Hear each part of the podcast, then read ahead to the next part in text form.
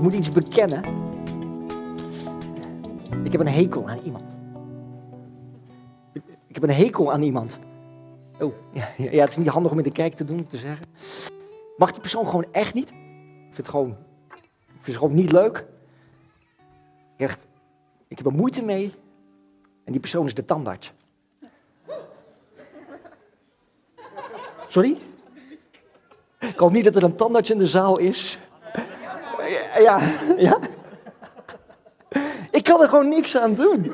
Het heeft niks met de persoon te maken, maar gewoon met het werk wat die persoon doet.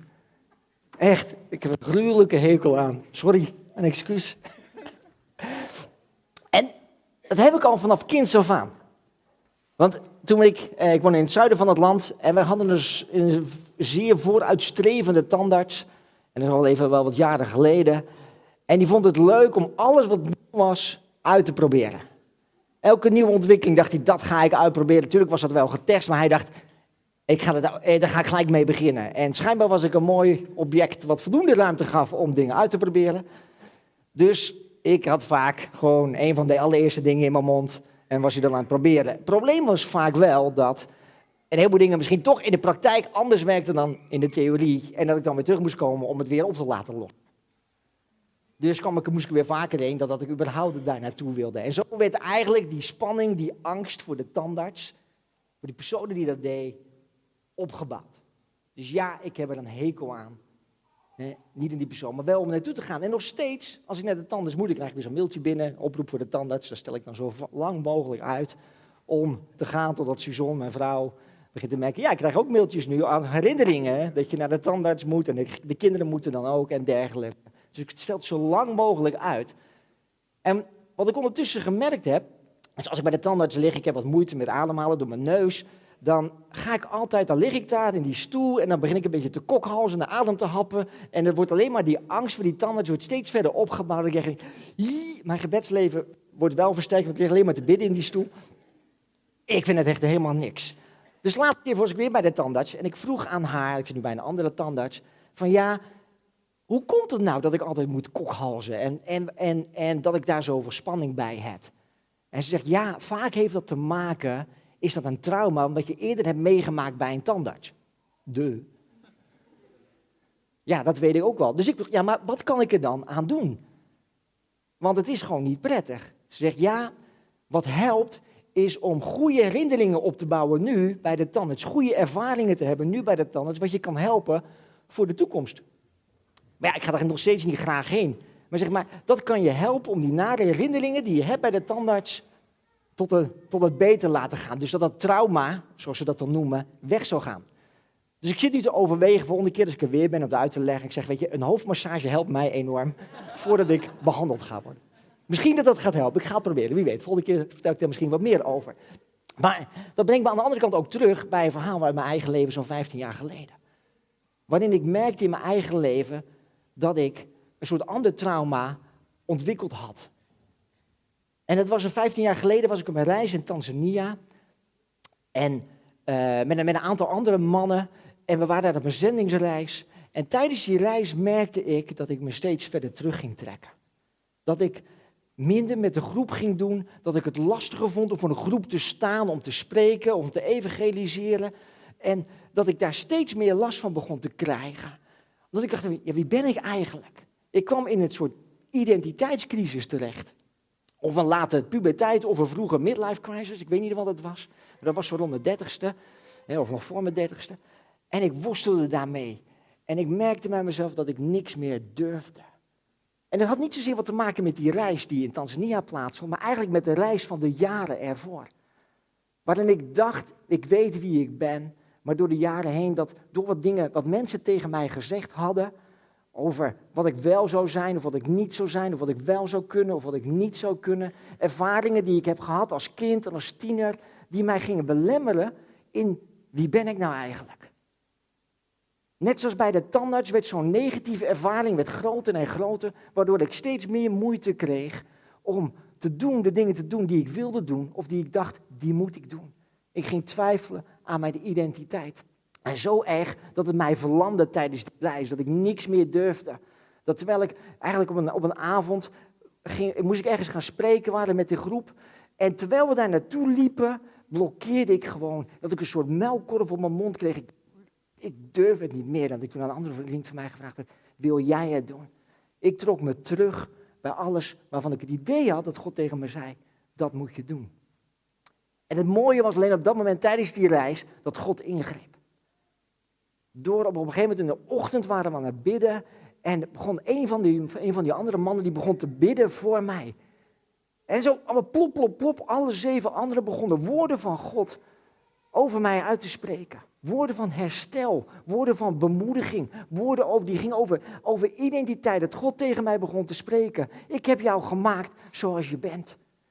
Ik heb jou gemaakt, ik ben jou aan het vormen wie je bent. Jouw identiteit ligt niet in wat je doet, maar ligt in mij, in Christus.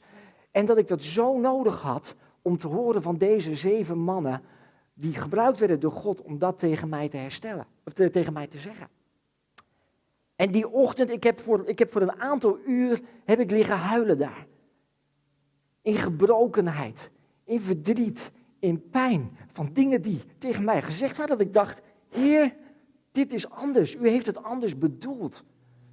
En dat ik die gebrokenheid kon uitroepen naar God toe. En dat God mij ging herstellen.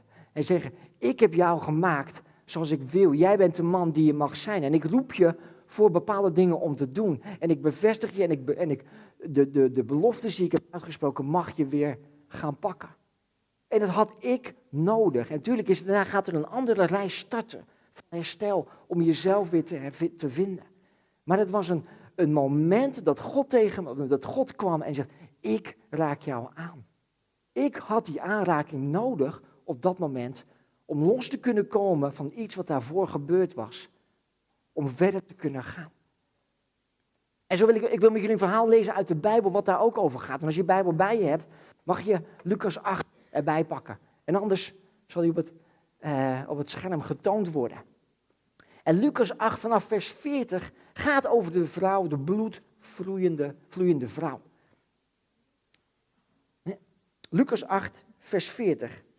Toen Jezus terugkeerde, werd hij door de menigte opgewacht. Iedereen stond naar hem te kijken. En er was een man onder hen die Jairus heette, een leider van de synagoge. Hij kwam op Jezus af, viel aan zijn voeten neer en smeekte om mee te gaan naar zijn huis. Want hij had een dochtertje van ongeveer 12 jaar oud die op sterven lag. Ze was zijn enige kind. Dus dit is wat er gebeurt.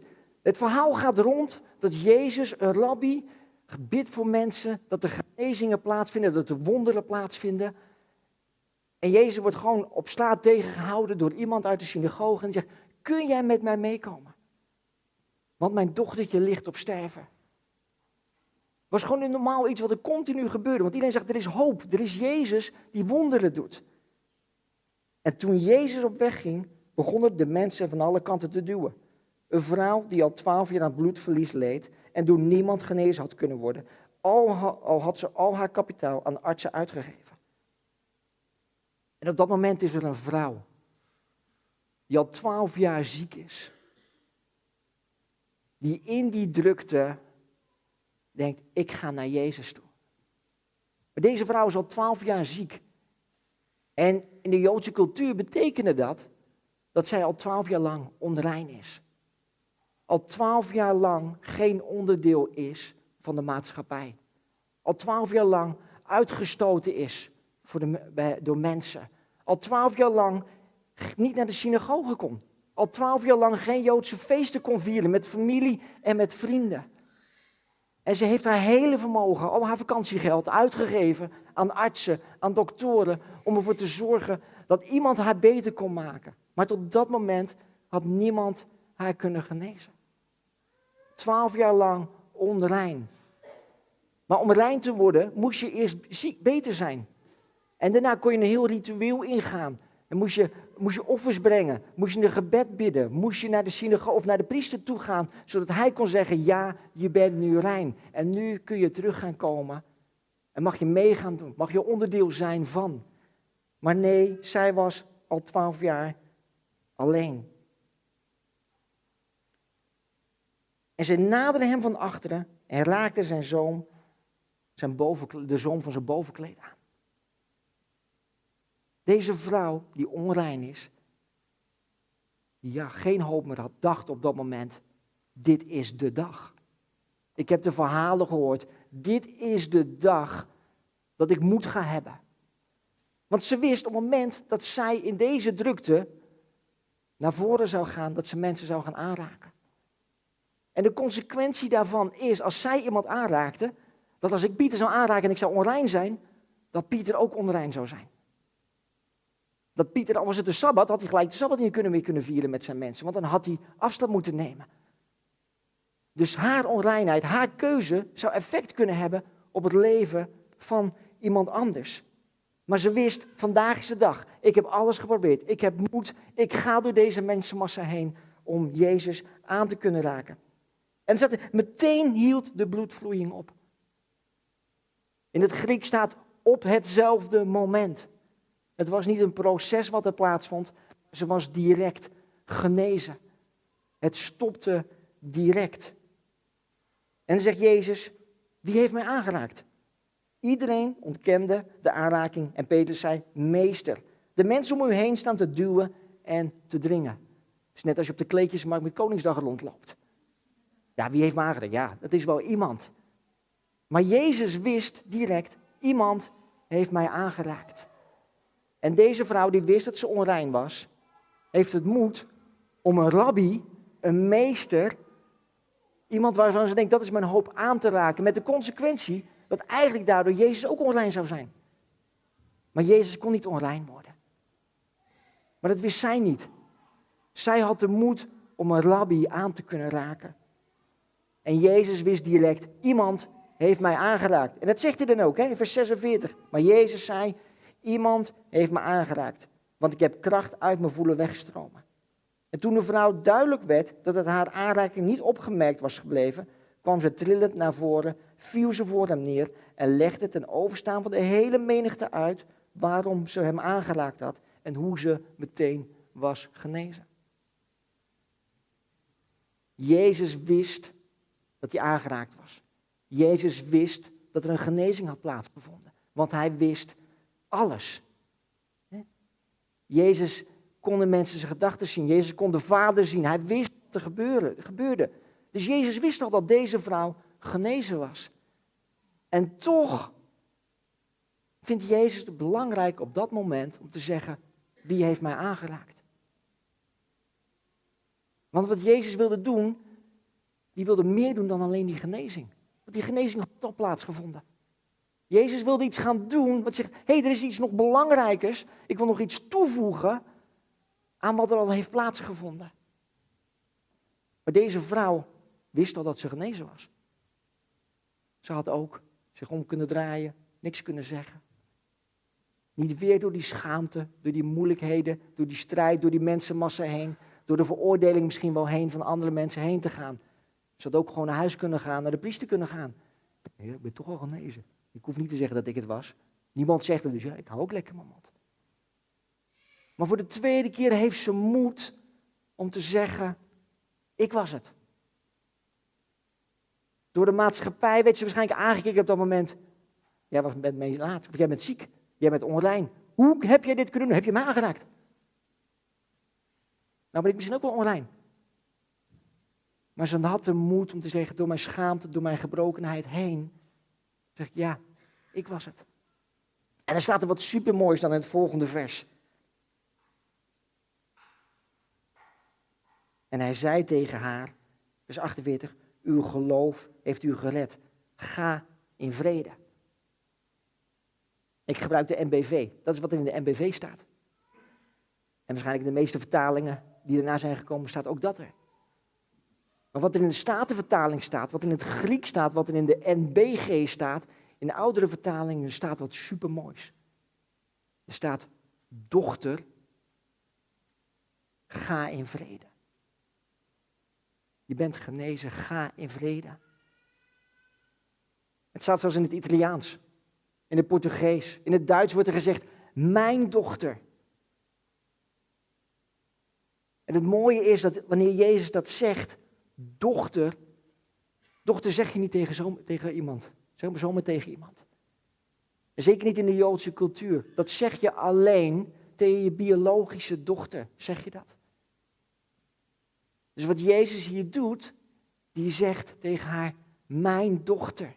Dochter. Hij zegt het nergens anders in het evangelie. Het komt niet voor. Dit is de enige keer dat Jezus dit zegt. Dochter. Ga in vrede. Je geloof heeft je behouden. Dus naast de genezing zegt Jezus eventjes hier zo. Let even op. Jullie hebben haar verstoten vanuit de maatschappij. Ze is twaalf jaar lang verstoten geweest.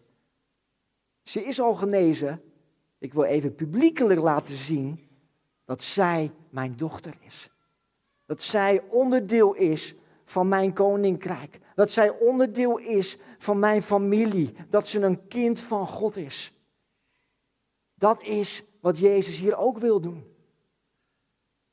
Zij had een aanraking nodig met Jezus. Zij had het lef om Jezus aan te raken. Door haar gebrokenheid heen, door haar schaamte heen, door haar angst heen, door haar pijn heen, door haar verdriet heen. Waarin Jezus haar wilt conformeren. Je bent iemand. Je gaat van niemand naar een zoon of een dochter van de Allerhoogste God. God zegt, ik ben aanwezig in jouw leven. Ik ben present in jouw leven. Door de aanraking met Hem. En dat is wat een aanraking met Jezus doet. Een aanraking met Jezus heeft het effect dat je bevestigd wordt in wie jij mag zijn, in Hem. Zoals ik in mijn leven 15 jaar geleden opnieuw nodig had. En het mooie is met een aanraking van Jezus, is dat het vaak iets anders teweeg brengt dan dat we in eerste instantie denken, of wat de maatschappij dacht. In Lucas 15 lezen we een ander verhaal waarin de Melaatse man naar Jezus toe ging. Hij zegt, Heer Jezus, als u het wilt, wilt u mij dan rein maken? Hij vraagt niet om genezing, hij vraagt om wilt u mij rein maken? En Jezus zegt, ik wil, en hij raakte hem aan. En de man werd rein. Het zegt veel meer dan een genezing. Het zegt veel meer dat Jezus zegt, rein zijn betekent dat je onderdeel bent van mijn familie. Onderdeel bent van mijn identiteit. Onderdeel bent van mijn gezin. En waar in eerste instantie gedacht werd dat als de onreine man Jezus zou aanraken, wordt Jezus onrein. Maar nee, dat is niet wat er gebeurt. Door de aanraking van de onreine man met Jezus, met de onreine man, met rein. Dat is wat God en wat Jezus willen doen. Gods genade verwelkomt de verstotenen en brengt transformatie. Dat is wat de aanraking met Jezus doet. En wie je bent in Jezus is lastig. We worstelen vaak met onze identiteit. Wie zijn we eigenlijk? Wie ben ik? Wat we vaak doen is dat we onze identiteit baseren niet op wie we zijn, maar op wat we doen. En als wat we doen dan ook begint te shaken, dan hebben we nog meer moeite met het vinden van onze identiteit. Als je je baan verliest, of, of in je gezin gaat het lastig, of je omstandigheden zijn daar dat je gaat twijfelen en wat er om je heen gebeurt of wat je doet, heeft dat effect op je identiteit. Maar in Efeze 4, vers, of sorry, Efeze 1, vers 4, vers 4 staat, staat, staat deze tekst. En zegt, en hij heeft ons naar zijn wil en verlangen voorbestemd om in Jezus Christus zijn kinderen te worden. In Jezus Christus. Soms is het handig om geen identiteit te hebben. Vanmorgen stapte ik de deur uit en ik zat op de fiets en denk, oh, ik ben mijn portemonnee vergeten, waar mijn uh, identiteitsbewijs in zit. En als ik nu aangehouden word voor de, door de politie, dan vragen ze naar mijn identiteit. Dan is het heel handig om te zeggen, ja, als jij het weet, graag. Ik hoor het graag van je wie, wat mijn identiteit is, wie ik ben. Maar voor de rest is het niet zo handig. Of is het moeilijk of lastig om niet te weten wie je bent. En dan zegt de Bijbel dit. In Jezus Christus ben je mijn kind.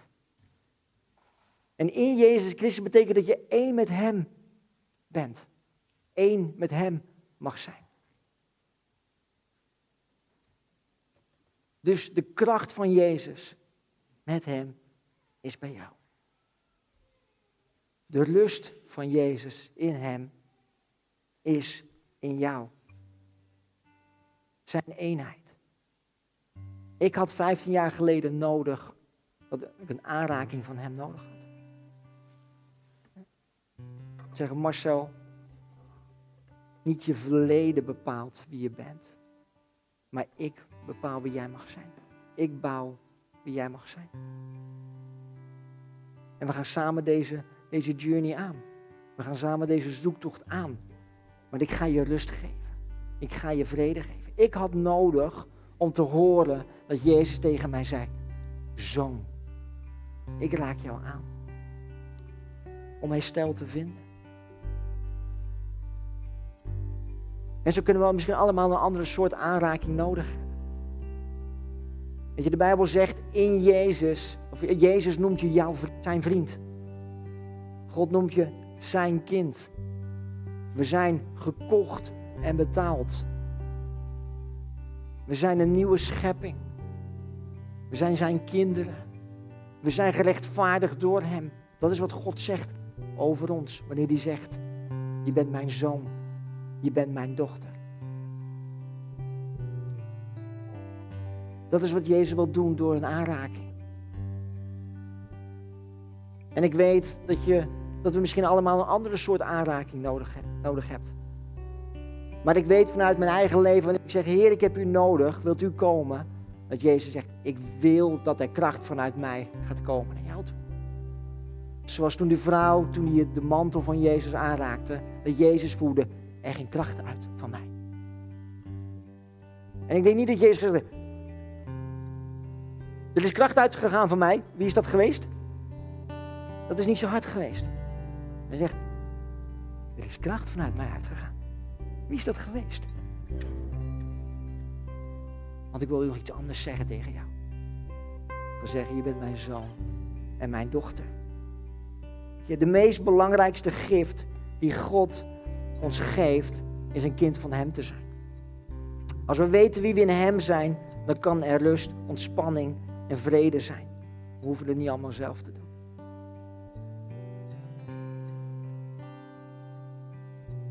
Dat is wat God vandaag ook wil doen. En ik kan niet een oproep doen en zeggen welke aanraking heb jij nodig. Want dat weet ik niet. Want we zijn hier vandaag met een hele grote groep mensen. Maar wat ik wel weet, is dat jij weet welke aanraking je nodig hebt.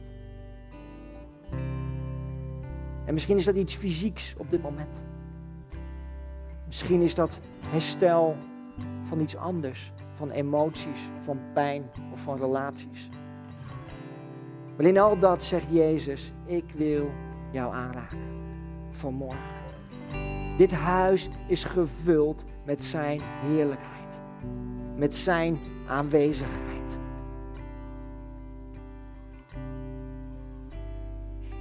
Ik wil jullie gevraagd om te gaan staan.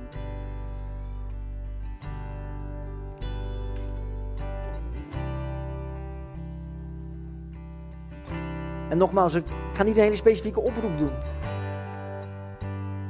Maar ik wil jullie wel de tijd gaan geven om even na te gaan denken, welke aanraking heb ik op dit moment van Jezus nodig?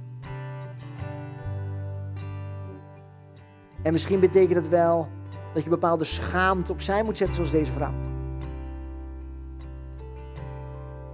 Misschien betekent dat wel dat je emotioneel bent, emotioneel wordt. Misschien denk je wel, wat zullen de mensen om me heen denken?